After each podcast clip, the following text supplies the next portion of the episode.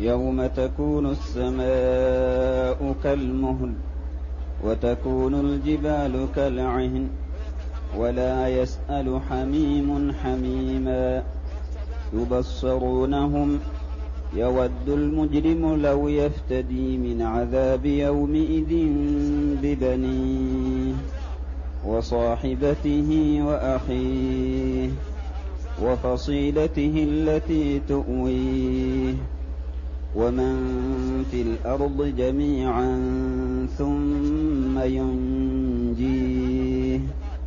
كلا إنها لظى نزاعة للشوى. تدعو من أدبر وتولى وجمع فأوعى. هذه الآيات الكريمة من سورة المعارج. جاءت بعد قوله جل وعلا فاصبر صبرا جميلا إنهم يرونه بعيدا ونراه قريبا. يوم تكون السماء كالمهل وتكون الجبال كالعهن ولا يسأل حميم حميما. يبصرونهم. يقول الله جل وعلا لعبده ورسوله محمد صلى الله عليه وسلم فاصبر صبرا جميلا إنهم يرونه بعيدا ونراه قريبا. يرون الوعيد أو اليوم الآخر أو العذاب بعيدا أي مستحيل أو لن يقع يوم القيامة أو لن يقع البعث.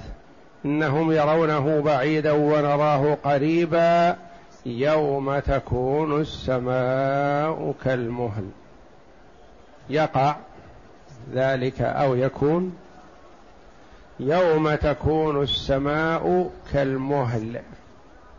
كالمهل كالرصاص المذاب أو كدردي الزيت أو كالفضة المذابة يوم تكون السماء كالمهل وتكون الجبال كالعهن. تكون الجبال هذه الصلبة القوية كالعهن كالصوف المنفوش. كالصوف المنفوش قيل الأحمر أو المصبوغ وذلك أن الصوف خفيف. وإذا كان منفوشا فهو أخف فهو يرى في الجو الجبال هذه تتطاير وتكون كالصوف المنفوش. وذلك أن الله جل وعلا يبسط الأرض لحشر الناس. يوم تكون السماء كالمهل وتكون الجبال كالعهن ولا يسأل حميم حميما يبصرونهم. الحميم القريب والعزيز على المرء. لا يسأل حميم حميما عن نفسه. ما أحد يقول لأحد كيف أنت أو كيف حالك أو ما مصيرك أو ماذا صرت. لا كل واحد مشغول بنفسه. قد يقول قائل إنه لا يراه ولا يجده أو لا يعرفه أو لا يبصره. قال الله جل وعلا يبصرونهم. يشوفه بين يديه. يرى أباه يرى أمه يرى قريبه يرى زوجته ولا أحد يسأل أحد. لأن كل إنسان مشغول بنفسه كما قال الله جل وعلا يوم يفر المرء من أخيه وأمه وأبيه وصاحبته وبنيه لكل امرئ منهم يومئذ شأن يغنيه. ولا يسأل حميم حميما. قال بعض المفسرين ولا يسأل حميم حميما يبصرونهم.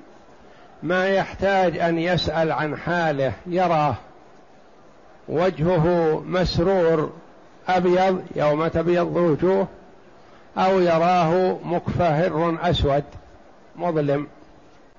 يعني إبصاره إياه كاف عن السؤال ما يحتاج إلى سؤال. ولا يسأل حميم حميما ما يسأله لأنه يرى ويعرف حاله بنظره إلى وجهه ببصره ورؤيته إليه يعرف حاله ما يحتاج إلى سؤال. وفيها قراءتان. قراءة الجمهور المبني للمعلوم ولا يسأل حميم هو الفاعل حميما هو المفعول. والقراءة أخرى المبني للمجهول ولا يسأل حميم ولا يسأل حميم حميما يعني لا يسأل القريب عن قريبه على معنى قوله جل وعلا ولا تزر وازرة وزر أخرى. ما يسأل الوالد عن عمل ولده ولا يسأل الولد عن عمل والده. كل مسؤول عن نفسه. ولا يسأل حميم نائب فاعل ما يسأل واحد عن الآخر ولا يعاقب ولا يعاتب أحد عن آخر. هذا قول لبعض المفسرين. قالوا والقول الأول أقرب لأن المقام مقام تهويل وتخويف وبيان لشدة أهوال يوم القيامة. والمعنى الأول أليق بهذا والله أعلم. يبصرونهم يعني يرى بعضهم بعضا. ويعرف بعضهم بعضا. قيل في يوم القيامة كل يعرف صاحبه. يعني أنه ما يقال من كثرة الناس مثلا متى يجد المرء والده؟ متى يجد زوجه؟ متى يجد ابنه؟ لا. الابصار تختلف عن أبصار الدنيا. فمن أراد شخصا ما أبصره ما يقال أن إنه بعيد عنه أو محتجب عنه بكذا أو نحو ذلك لا. يبصر الأقرباء أقرباءهم ويبصر الشخص كل من بين يديه كل من في الموقف والله أعلم. يراهم. يعني أن الرؤية لمن أراد أن يراه متيسرة وسهلة مدركة. يبصرونهم يود المجرم يود بمعنى يتمنى ويحب. يود المجرم لو يفتدي من عذاب يومئذ ببنيه. الذي يود هو المجرم.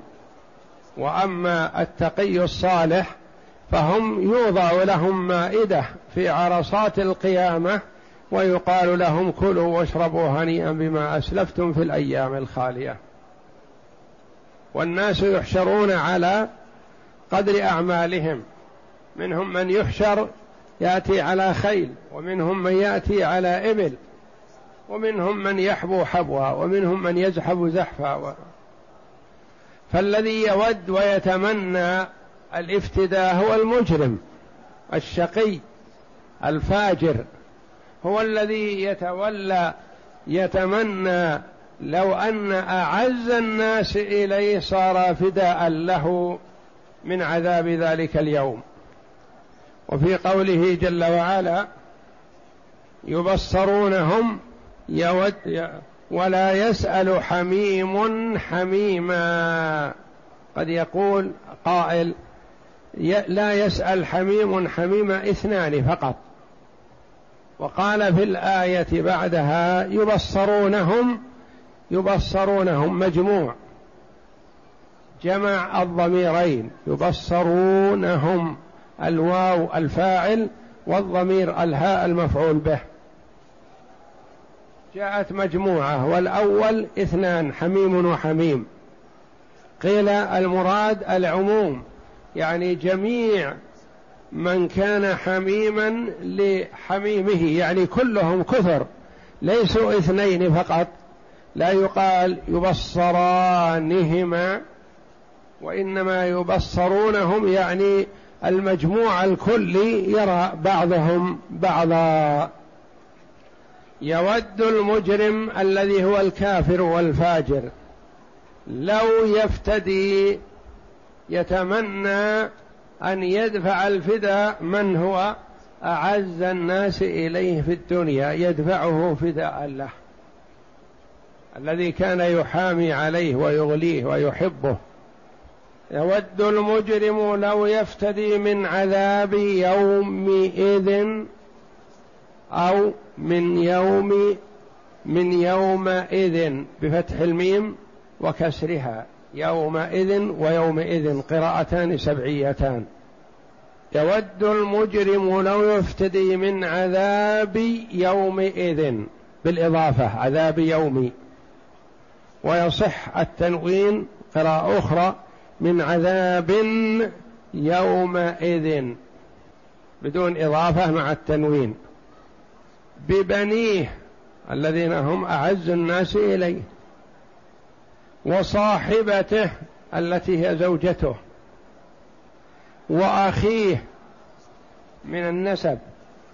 وفصيلته قرابته قبيلته أو فخذه. وفصيلته التي تؤويه يعني يأوي إليها وينتسب إليها ويفتخر بها. ومن في الأرض لو أنهم له وتمكن من ذلك لافتدى بكل ما في الأرض من جن وإنس وغيرهم. ومن في الأرض جميعا من الثقلين الجن والإنس ثم ينجيه يعني تحصل له النجاة. لو يفتدي لو يحصل له أن يفتدي بهؤلاء كلهم لأجل أن ينجو من عذاب الله ولا محيص له منه ولا محيد. ثم قال جل وعلا كلا لا يقع ذلك. اولا لا يتمكن من الافتداء. ولو تمكن من الافتداء ولو ملك ولو أعطى كل ما في الأرض ما قبل منه ما نفعه. اقرأ. يقول تعالى العذاب واقع بالكافرين يوم تكون السماء كالمهل. قال ابن عباس رضي الله عنهما ومجاهد وعطاء وسعيد بن جبير وعكرمة والسدي وغير واحد رحمهم الله. أي كدردي الزيت. وتكون الجبال كالعهن أي كالصوف المنفوش. قاله مجاهد وقتادة والسدي رحمهم الله. وهذه الآية قالوا لا يكون للصوف لا يقال للصوف عهن إلا إذا كان مصبوغا يعني مغير لونه. والله جل وعلا بين حال الجبال بأنها جدد بيض وحمر مختلف ألوانها وغرابيب سود. نعم. وهذه الآية كقوله تعالى وتكون الجبال كالعهن المنفوش وقوله تعالى وقوله تعالى ولا يسأل حميم حميما يبصرونهم أي لا يسأل القريب قريبه عن حاله وهو يراه في أسوأ الأحوال فتشغله نفسه عن غيره. قال العوفي عن ابن عباس يعرف بعضهم بعضا ويتعارفون بينهم ثم يفر بعضهم من بعض بعد ذلك. يقول الله تعالى لكل امرئ منهم يومئذ شأن يغنيه. يعني كل واحد مشتغل بنفسه. وكما تقدم أحوال يوم القيامة متفاوتة. تفاوت عظيم في موقف ما أحد يسأل أحد وفي موقف يتساءلون ويتناقشون ويتذاكرون وهكذا. نعم. وهذه الآية الكريمة كقوله تعالى يا أيها الناس اتقوا ربكم واخشوا يوما لا يجزي والد عن ولده ولا مولود هو جاز عن والده شيئا. يعني ما أحد يتحمل عن الآخر أي شيء. يتمنى كل واحد منهم أن يكون له حق على الآخر ليقتص منه وليأخذ منه. وكقوله تعالى وإن تدع مثقلة إلى حملها لا يحمل منه شيء ولو كان ذا قربى. وكقوله تعالى فإذا نفخ في الصور فلا أنساب بينهم يومئذ ولا يتساءلون. يعني لا يسأل أحد أحد عن أحد ولا يلتجي أحد لأحد من أجل قرابة أو نسب أو نحو ذلك. فلا أنساب بينهم كل مشغول. نعم. وقوله تعالى يود المجرم لو يفتدي من عذاب يومئذ ببنيه وصاحبته وأخيه وفصيلته التي تؤويه ومن في الأرض جميعا ثم ينجيه كلا أي لا يقبل منه فداء. ولو جاء بأهل الأرض وبأعز ما يجده من المال. كلا كلمة ردع يعني لا يكون هذا أبدا. لا يقبل اولا ما يمكن له أن يفتدي. ولو افتدى وتمكن من ذلك ما قبل منه. كلا لا يكون هذا. إنها أي النار الموعود بها المجرم. كلا إنها لظى يعني تتلظى. يأكل بعضها بعضا من شدتها وحرارتها وهولها. كلا إنها لظى نزاعة للشوى كلا إنها لظى يعني من حرارتها تتلظى شدة نزاعة للشوى يعني تنزع الشوى والشوى ما هي؟ قيل هي جلدة الرأس. وقيل الشوى الأعضاء. الأعضاء والمفاصل التي ليست مقاتل. يعني ما تنزع الرأس من الجسد فيموت لا. وإنما تنزع الأطراف اليدين والرجلين. ولا موت وهو يتمنى الموت ولا يحصل له. نزاعة للشوى وقيل المراد بالشوى البشرة واللحم الذي تحت الجلدة وتبقي العظام تحرقها النار. تدعو من أدبر وتولى تنادي. بلسان يسمع أو بلسان حالها.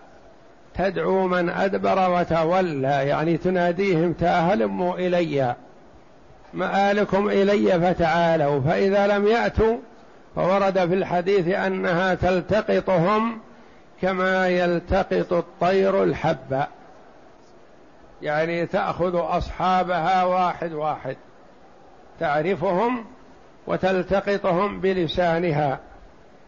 تدعو من أدبر وتولى أدبر عن الحق وأعرض عنه في الدنيا وتولى معرضا مقبلا على ما يريد. وجمع فأوعى جمع المال وأقفل عليه. يعني أنه كناية عن أنه يدخل ولا يخرج. إذا أدخل شيء أقفل عليه فلا يخرج.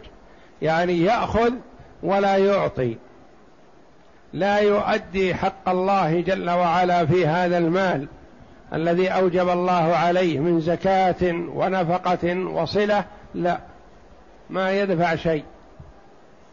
ولهذا روي عن بعض السلف رحمة الله عليهم أنه كان يكره أن يغلق أن الكيس ونحوه. يقول إن الله ذم من أوعى من أغلق الكيس ونحوه. من أدبر وتولى وجمع فأوعى يعني جمع المال وأكثر من الجمع وأقفل عليه الأقفال أو ربطه بالأربطة التي لا يمكن أن يخرج منه شيء فهو يدخل ولا يخرج. فيكون ماله هذا وبالا عليه يوم القيامة يجمعه ولا ينتفع به والعياذ بالله. نعم. كلا. كلا. أي لا يقبل منه فداء ولو جاء بأهل الأرض وبأعز ما يجده من المال ولو بملء الأرض ذهبا أو من ولده الذي كان في الدنيا حشاشة كبده يود يوم القيامة إذا رأى الأهوال أن يفتدي من عذاب الله به. ولا يقبل منه. قال مجاهد والسدي فصيلته قبيلته وعشيرته. وقال عكرمة فخذه الذي هو منهم. وقال أشهب عن مالك فصيلته أمه. وقوله تعالى إنها لظى يصف النار وشدة حرها نزاعة للشوى. قال ابن عباس رضي الله عنهما ومجاهد رحمه الله جلدة الرأس. وقال العوفي عن ابن عباس نزاعة للشوى الجلود والهام. وقال مجاهد ما دون العظم من اللحم. وقال سعيد بن جبير للعصب والعقب. وقال أبو صالح نزاعة للشوى يعني أطراف اليدين والرجلين. وقال أيضا نزاعة للشوى لحم الساقين. وقال الحسن البصري وثابت البناني رضي رحمهما الله نزاعة للشوى أي مكارم وجهه. يعني تتخير مكارم الوجه. الوجه ومحاسنه تحرقها بالنار والعياذ بالله. وقال الضحاك تبري اللحم والجلد عن العظم حتى لا تترك منه شيئا. وقوله تعالى تدعو من أدبر وتولى وجمع فأوعى. أي تدعو النار إليها أبناءها الذين خلقهم الله لها وقدر لهم أنهم في الدار الدنيا يعملون عملها. فتدعوهم يوم القيامة بلسان طلق ذلق. ثم تلتقطهم من بين أهل المحشر. هذه تقول تعال يا مشرك تعال يا منافق. بصوت يعرف ويسمع. ثم تلتقطهم من بين أهل المحشر كما يلتقط الطير الحب. وذلك أنهم كما قال الله عز وجل كانوا ممن أدبر وتولى أي كذب بقلبه وترك العمل بجوارحه وجمع فأوعى أي جمع المال بعضه على بعض فأوعاه أي أوكاه ومنع حق الله منه من الواجب عليه في النفقات ومن إخراج الزكاة. وقد ورد في الحديث لا توعي فيوعي الله عليك.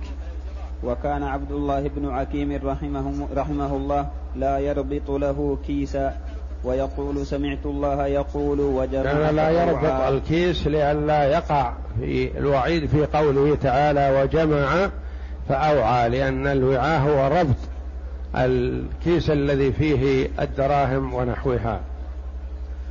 وقال الحسن البصير البصري رحمه الله يا ابن آدم سمعت وعيد الله ثم أوعيت الدنيا. وقال قتادة في قوله وجمع فأوعى كان جموعا كموما للخبيث. جموعا منوعا يعني يحرص على الجمع والإدخال فإذا دخل عنده الشيء ما يخرج ولا ينفقه. والله أعلم وصلى الله وسلم وبارك على عبده ورسول نبينا محمد وعلى آله وصحبه أجمعين.